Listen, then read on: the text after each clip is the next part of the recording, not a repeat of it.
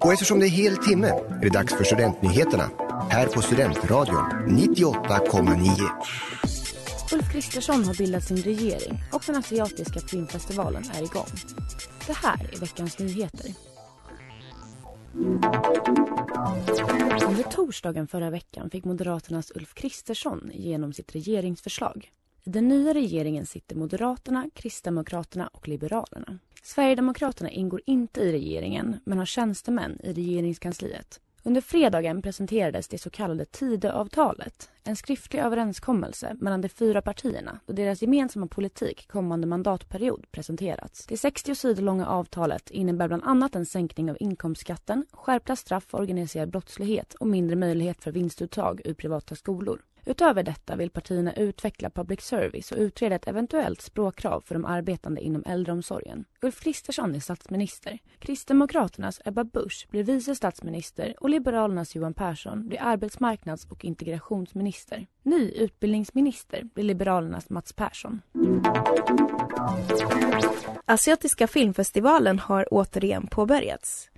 Under den har det spelats filmer från flera länder i Asien, inkluderat Korea, Bangladesh och Qatar. Filmerna rör sig om allt från krig till fantasivärldar och vardagsproblem. Festivalen håller även i två specialevent som uppmärksammar Taiwan och Hongkong.